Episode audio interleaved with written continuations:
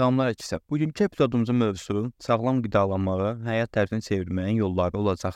Bir çox epizodumuz sağlam qidalanmaqla bağlı olsa da, əslində biz bunu bir həyat tərzinə keçirməliyik. Yəni məqsədimiz qısa bir müddət üçün məsəl üçün arıqlamaq ola bilər, kökəlmək ola bilər. Biz bunun hədəfləri əslində qısa müddətli yanaşmamalıyıq. Yəni bizim burdakı podkastda əsas məqsədimiz odur ki, sağlam qidalanmağı həyat tərzimizə keçirməkdir ki, biz hər zaman nə qida, necə qidalanmalı olduğumuzu, nə etməli olduğumuzu bilək. Çünki əslində il ərzində hədəflər dəyişə bilər. Məsələn, mən ilin müəyyən ərəfəsində arıqlamağa çalışıram, ilin müəyyən ərəfəsində kökəlməyə çalışıram. Ona görə əgər mən bilsəm ki, nələrə qidalanmaq lazımdır, nələrə isəm özümü əldə sağlam saxlaya bilərəm, bu daha məntiqli olar. Nəinki hər dəfə qısa periodlar üçün birdən-birə qidalanmağa keçib arıqlamaq və ya da birdən-birə nə gəldi yeyib kökəlmək, bu heç də sağlam olmayacaqdır. Ona görə əsas ya, bu işin məntiqini bilmək və bunu öz həyat tərzimizdə keçirmək bizə çox uzun müddətdə hər zaman sağlam qalmağımıza kömək olacaq. Sağlam qidalanmağı həyat tərzinə çevirmək deyəndə də bir çox şey nəzərdə tutula bilər. Məsəl üçün, məndə belədir ki, mən müəyyən ərəfələrdə elə olur ki, çox pis qidalanmağa başlayıram və birdən-birə çox kökəlirəm.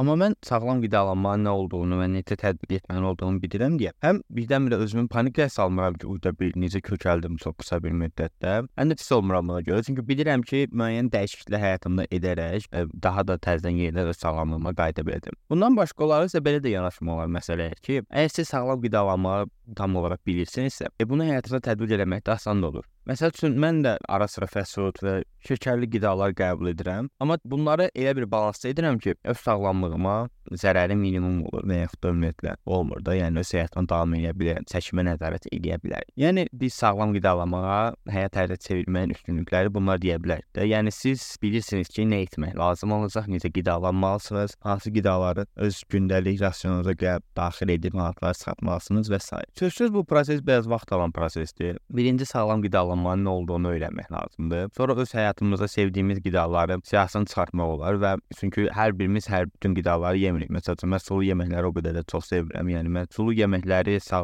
bir çox hətta sağlam sulu yeməkləri. Yəni mən sulu yeməkləri sevmirəm və bunu da öz həyatıma daxil etmirəm. Yəni burada bir şərt yoxdur ki, biz bir yemək sağlamdır deyə mütləq mütləq onu öz həyatıma daxil edib onu daimi olaraq qəbul etməliyik. Yox, yəni hər kəsin öz zövqü, öz qidalanma tərzi var. Burada əsas olan odur ki, öz zövqümüzə uyğun düzgün yeməkləri seçib onlarla həyata davam etməkdir. Dediyim kimi bu vaxt alan bir prosesdir. Ona görə işə düzgün hədəflər qoyaraq başlamaq lazımdır. Qısa müddətli hədəflər hər zaman daha yaxşı olur. Çünki bir hədəfə çatdıqda həmçinin beynimizə dopamin ifraz olunur və bu da bizim özümüzü daha yaxşı hiss etməyimizə və növbəti hədəfimizə doğru irəliləməyimizə kömək olur. Yəni ona görə qısa hədəflər qoyun. Məsəl üçün bir həftə şəkərdən imtina etmək. Yəni bu yaxşı bir hədəfdir. Siz şəkər balansınızı da nəzarət etmiş olarsınız. Bir həftə şəkəri imtina eləyin. Növbəti həftə başqa bir qidaya, daha az yağlı qidalar yeməyə çalışın. Yəni belə-belə qısa hədəflər qoyun, qoyun və bir ay sonunda müəyyən hədəflərə çatmış olacaqsınız və gəldiyiniz nəticəyə uyğun olaraq öz həyatınızda lazım dəyişiklikləri edə bilərsiniz. Yəni məsəl üçün şəkər yemədikdə böyük ehtimalla bədənizdə müəyyən dəyişiklik olacaq ən azından bəlkə əgər üzünüzdə səpkilər varsa bu azala bilər. Özünüzü böyük ehtimalla daha yenidən günah hiss edəcəksiniz. Həmçinin yağ da bədəndə müəyyən qədər sızanaqların və s. yaranmasına səbəb ola bilər, amma o demək lazım ki, ən azı hər gün bədən çəkiniz qədər yağ qəbul etməlisiniz və bu yağların mənbələri də əsas vacibdir. Və düzgün yağlar seçirsinizsə, zeytun yağı ola bilər, kokos yağı ola bilər, bundan başqa yaxşı kərə yağlar ola bilər. Yəni trans yağlardan, bu tip yağlardan əsas uzaq durduqda margarin məsəl üçün çox zərərlidir, ya bunu qətiyyən istifadə etməyin. Ya bu tip yağlardan uzaq durduqda o digər yağların bir çoxu sağlamlığınız üçün faydalı olacaqdır. Hə, nəyə görə əgər yağ qəbul etməliyik deyə soruşsanız, yağlar hormonların düzgün işləməsinə çox böyük rol oynayır və bir çox vitamin və minerallar da yağlarda sadəcə həll, həll olunur. Buna görə mütləq və mütləq gün ərzində hər gün ən azı öz çəkiniz qədər yağ qəbul edin, amma bundan həddindən artıq çoxunda qəbul etməyin, artıq bir yerdən sonra da zərəri ziyana çevrilə bilər. Elə şəkərdən danışmışkən həmçinin onu da deyim ki, həyatınızda edilən dəyişikliklərdən bir digəri də şəkərli qidaları onların bir növ sağlam versiyalarını əvəz edə bilərsiniz. Sonra biz şəkəri onsuz şokolad olsun, kiçik şokoladlar və s. bunları çox çay və ya kofe içəndə qəbul edirik. Yəni bunun əvəzinə əgər öz yanınızda hər zaman onun daha sağlam versiyasını gəzirsəniz, böyük ehtimalla artıq zərərli şokoladın yerinə daha faydalı bir seçim etmiş ola bilərsiniz. Düzdür, realda Azərbaycanda bunu etmək belə çətindir, çünki mağaza, supermarketlərdə yaxşı opsiyalar tapmaq çox azdır. Mən özüm nə qəbul edirəm deyə soruşsanız, mən sadəcə etilin lif alifi var. Bir növ onlar tərkibində heç şəkər olmayan versiyaları. Onları çox vaxt diyetə qəbul edəndə və ya da axlama çalışanda qəbul edirəm çaylarla kofein yanında. Çünki çayla kofeində hər gün dayanmadan heç nəsiz yemək artıq bir yerdə sonra zülmət sevilir. Yəni məcburuq ki, yanına bir şeylər əlavə edək. Yəni seçim olaraq demək olar ki, sadəcə o var. Digər seçimləri isə protein və ya da daha doğrusu idman qidaları satan yerlərdə protein barlar və s. olaraq seçim edə bilərsiniz, amma nə yalan deyim ki, bunların da qiymətləri o səviyyədədir ki, yəni heç artıq bir yer sonra olur ki, o qədər pul sadəcə yəni bir dənə çay içməyə. Ya gəlib bir çay özü, bir e, kofe içməyə 5-6 manat əgər kofeni də evdə hazırlayırsanızsa və bunu xəritdən minimum saat çay belə 5-6 manata gəlibsə, yəni hər gün bunu bir növ təmin etmək məndə çox mənasız olar. Bu yenə nə edə bilərsiniz deyə soruşsanız, yəni mən hal-hazırda nə edirəm? Mən trend yoldan gətirəcəyəm Türkiyədən. Həm qiymətləri daha ucuzdur Türkiyədə protein barların və s. həm də ki, artıq çatdırılma da birbaşa Bakıyadır deyə bir növ e, onun ağır çəkisinə də pul ödəmiş olmursunuz. Mən əvvəl də bir neçə yoxlamışdım, amma həmin vaxtlarda elə Bakıya çatdırma yox idi. Elə sadəcə yəni onun çatdırılmasına da o qədər pul verdim ki, gəldi eyni şey çıxdı. Yəni hal-hazırda elə bir dərk yoxdur deyə rahatlıqla bu tip nisbətən çəkisi yüksək olan qidaları da Türkiyədən vermək olar. Yəni mən gətirmişdim, yəni heç bir problem çək yaşamadım, yəni köməklə və s. ilə bağlı. Yəni ona görə istəsəniz sizə bu versiyanı da yoxlaya bilərsiniz. Bir digər şey isə çox təxmin edə biləcəyimiz üzrə, bayaq da e, vurğuladığım kimi birincisi öz sevdiyiniz sağlam qidalar tapmağa çalışın, daha doğrusu yeməklər tapmağa və hazırlamağa çalışın. İkincisi də çox zaman mümkün olduqca hər zaman qidalarınızı, yəni yeməklərinizi evdə hazırlayın. Evdə hazırlayıb bir şey də apara bilərsiniz. Bunu da birinci demişdim. Və yaxud da evdə olduğunuz günlərdə, yəni evdən qidalarını, yəni çöldə Burdan öz bir növ sifariş verdiyiniz yeməklərin birinci tərkibini qətiyyən bilmək olmur. Əgər sağlam adı ilə satılan, yəni kafelər var artıq ya getsə yay məşhurlaşırlar, yəni bunlar hansı ki, sırf idmançılar və ya da sağlam qidalanmağa çalışan insanlar üçün yeməklər hazırlayır. Yenə də burada qiymət faktoru rol oynayacaq. Həmin yeməklərin qiyməti digər restorandakı yeməklərin qiymətlərinə nəzərən çox daha fərqli olur, yəni daha yuxarı olur. Ya bu yerinə əgər edəsinizsə, evdə hazırlamaq, işə işdəsinizsə, işə özünüzə yemək yapmaq məncə ən yaxşı versiyadır hər. Niyə ən yaxşı versiyadır deyə soruşsanız elə bayaq dediyim kimi, birincisi tərkibinə nə vurduğunuzu özünüz bilirsiniz. Sevdiyiniz şeylərdə biraz daha çox vura bilərsiniz, sevmədiyiniz şeylərdən biraz daha. Məsələn, yağını daha az eləyə bilərsiniz. Protein mənbələrini daha artıra bilərsiniz, çünki proteinə daha çox ehtiyacınız var, həm sağlam qida həm də idman edirsinizsə. Yəni bu tip kiçik dəyişiklikləri özünüz daha rahat edə bilərsiniz və bu bir növ yediyiniz qidadan aldığınız faydanı da artıracaqdır. Həmçinin əgər kalorilərinizi hesablayırsınızsa, proqramlarda hansı ki etməyiniz çox daha yaxşı olar. Buna toxunacağam onsuz. Əgər kalorilərinizi hesablayırsınızsa, artıq yeməyin tərkibini nə vurduğunu özünüz dəqiqliklə bilirsiniz deyə kalorinizi həmin proqramlara daxil etməkdə çox daha rahat olacaq. Növbəti addımımız isə ətrafda olan insanları özümüz kimi sağlam qidalanmağa yönləndirməkdir. Buna ilk öncə mütləq evdəki ailə üzvlərimizdən başlamaq lazımdır. Çünki biz evdə çox zaman keçirə bilərik və əgər evdə bizdən fərqli olaraq çox pis qidalanan biri varsa, onun məsəl üçün bir şokoladı var qoyduq stolun üstünə və yaxud da həmin insana görə evdə şokolad olacaqsa, biz də istərsəmiz həmin şokoladı görəcəyik və bizdə onu yeməyə qarşı bir instinkt, bir istek yaranacaqdır. Yəni evdə heç elə bir opsiyon olmasa,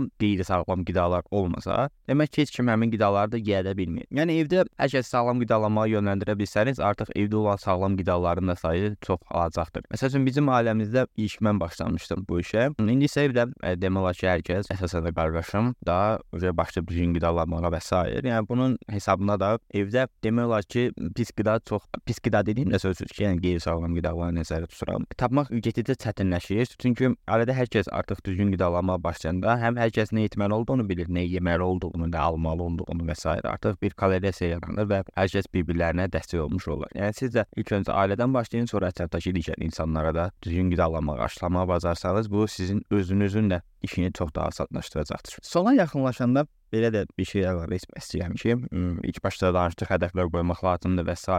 Deyək ki, hədəflərimizi çatdırıb, sağlam qidalanmağa başladıq özümüzə və bir növ artıq müəyyən dəyişikliklər yarandı bizim bir növ mental olaraq beynimizdə və biz bu dəyişiklikləri öz həyat tərzimizə də tətbiq edə bilirik. Bundan sonrakı mərhələdə isə məncə özümüzə bir növ hədiyyə verməliyik. Bu hədiyyə nə ola bilər deyə soruşsanız, yəqin ki, qida ilə bağlı olacaq. Yəni mən fikrim buna aid. Yəni bu cheat meal ola bilər, cheat day ola bilər. Hansı ki, hər ikisi haqqında bir podkastımız var, ona da qulaq asa bilərsiniz. Yəni özünüzə məsəl üçün deyək ki, bir həftə tamamilə şəkərdən imtina elədiniz. 8-ci gün, yəni bir həftə tamam olandan sonra həqiqətən heç şəkərli əl əlavə şəkərli qidalar qəbul etməmisinizsə, özünüzə ödül olaraq sevdiyiniz bir şokoladı və hədiyyə edə bilərsiniz, onu qəbul edə bilərsiniz, yeyə bilərsiniz. Çünki yəni onu da deyim ki, 80-20 prinsipindən mütləq istifadə edə bilərsiniz. Yəni 80% qidalanmanıza, sağlam qidalara, 20% zərərli qidalara üstünlük verin. Çünki yəni həyat bir tərəfdən də çox da belə qatı olmağında mənası yoxdur. Yəni hər gün ancaq sağlam qidalar qəbul edim, qətiyyən şəkərli qidalar və sair qəbul etməyim. Yəni günün sonunda yəni qısa həyatımız qısadır. Yəni, məncə ona zövq almaq mütləqdir. Yəni siz əgər hər gün durub nifrət edərək bu həyatı, o yəni qidalanmazdan söhbət edirsiniz ki, nifrət də ona yanaşdanır. Yəni bunu etmək artıq məncə bir tərəfdən də çox mənası var. Yəni onun yerinə elə kök olunmayıb da çox arıq olun. Daha yaxşıdır nəinki nifrətlə ömrünüzü o qidaları yeməklə keçirəcəkdir. Ona görə onsuz məhz dedim ki, öz sevdiyiniz qidaları tapmağa çalışın, öz sevdiyiniz bir növ rasionları hazırlamağa çalışın, evdə yeməklər bişirin. Yəni bu tip şeyləri etdikdə artıq tamamilə öz istədiyiniz qidaları əldə edə bilərəksiniz. Məsəl üçün mən yəni illər öncə hər gün eyni şeyləri yeyirəm. Yəni qətiyyən yediyim qidalarda bir dəyişiklik olmur.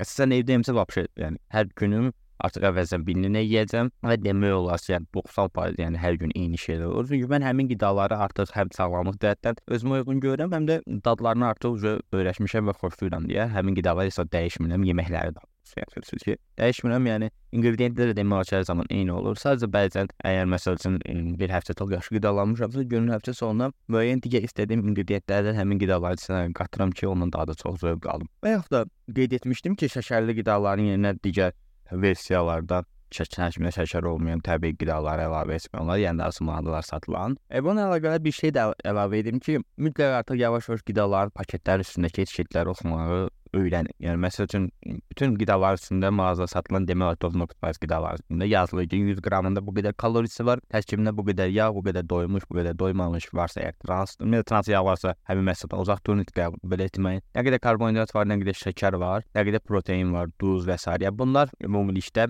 100 qramın tərkibində yazılır. Amma bundan əlavə olaraq tərkibi də yazılır ora ki, yəni bu qidalar hardan gəlir? Məsəl üçün yazır tərkibindəki şəkər olmayan qidaları çox vaxt nə olur? Xurma olur, meyvə qurusu və s. Ya bu etiketləri mütləq oxuyub başa düşməyə çalışın ki, birinci nə alırsınız. Əsasən ölkəmizdə çox saxta etiketlər də yazılır. Yəni baxırsan qidanın üstünə yazır yarım 0.5 yağlıdır, arxasına oxursan yazır o 9 qram yağ. Yəni bir-biri ilə uyğun olmayan şeylər yazılır. Həmin qidalardan uzaq olmaq olar çünki daimi olaraq həmin qidaları istifadə etsəniz, bir növ istədiyiniz hədəfə çatmaqda problem yaşaya bilərsiniz. Çünki qidanın üstünə baxsan deyir, içində 1 qram yağ var, amma əslində içində deyək ki 5 qram yağ var. Siz hər gün əlavə 4 qram yağ qəbul edirsiniz, onun hər 100 qramına qədər və bu da günün sonunda, ilin sonunda deyək ki, məsəl üçün aylık baxmaq lazımdır, günlükdən yanaşmaq lazımdır. Çox böyük fərqi gətirib çıxardır və sizi öz hədəfinizdən çox yayındıra bilər.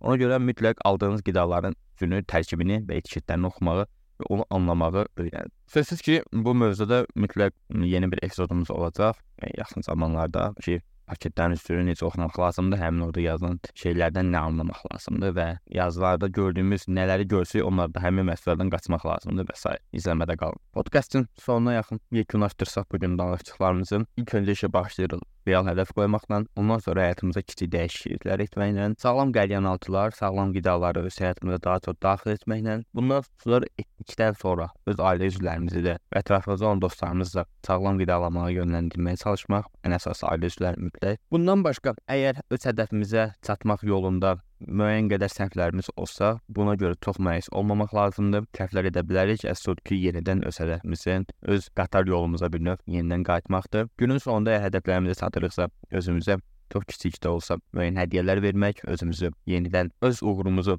bir növ qeyd etmək mütləqdir. Həyatımızda meyvə və tərəvəzlərin sayını artırmaq, qidalanmamızda yeməklərimizi mümkün qədər evdə bişirmək və lazım gəlirsə işə özümüzlə birlikdə yemək aparmaq və son olaraq isə qidaların etiketlərini oxumağı öyrənmək. Yəni bunları etsək bir çoxunun ən azından 80%-ni belə deyim, hansı ki onsuz balans mütləqdir. Bunları etsək sağlam qidalanmağı öz həyat tərzimizə çevirə bilərik. Bu epizodumuzdan bu qədər. Ümidvaram ki, bu gün danışdıqlarım sizin həyatınızda faydalı olardır və sizə hədəflərinizi çatmaqda kömək edərdir. Çünki sağlam qidalanma çox vacibdir. Getdikcə obezlik və düzgün qidalanmamaq yayılır və məşhurlaşır. İnsanlar nə gəldi yeyirlər. Yəni bunun qarşısını almaqda hər birimiz məncə çabalamalıyıq. Düzgün qidalanmağı özümüzə, sonra ailə üzvlərimizə, uşaqlarımıza, nəvələrimizə, hər kəsə ötürməliyik ki, daha yaxşı bir gələcəyə sahib ola bilək. Çünki beynimizə qədər təsir edir. Yəni qida qidalanmağımı düşünməmizə və s. və bu bir cəmiyyətə də günün sonunda təsiri vardır. Öz-özünüzə yaxşı baxın, məni izləməyə davam edin. Podkastın açıqlama hissəsində hər zaman olduğu kimi link yerləşdiriləcəkdir, hansı ki siz bu linklə həm digər podkastımıza, həmçinin də sosial media platformalarına çıxış əldə edə biləcəksiniz. Həm mənim öz şəxsi platformalarım, həm də ki podkastımızın öz şəxsi Instagram platforması. Öz-özünüzə yaxşı baxın, hələlik.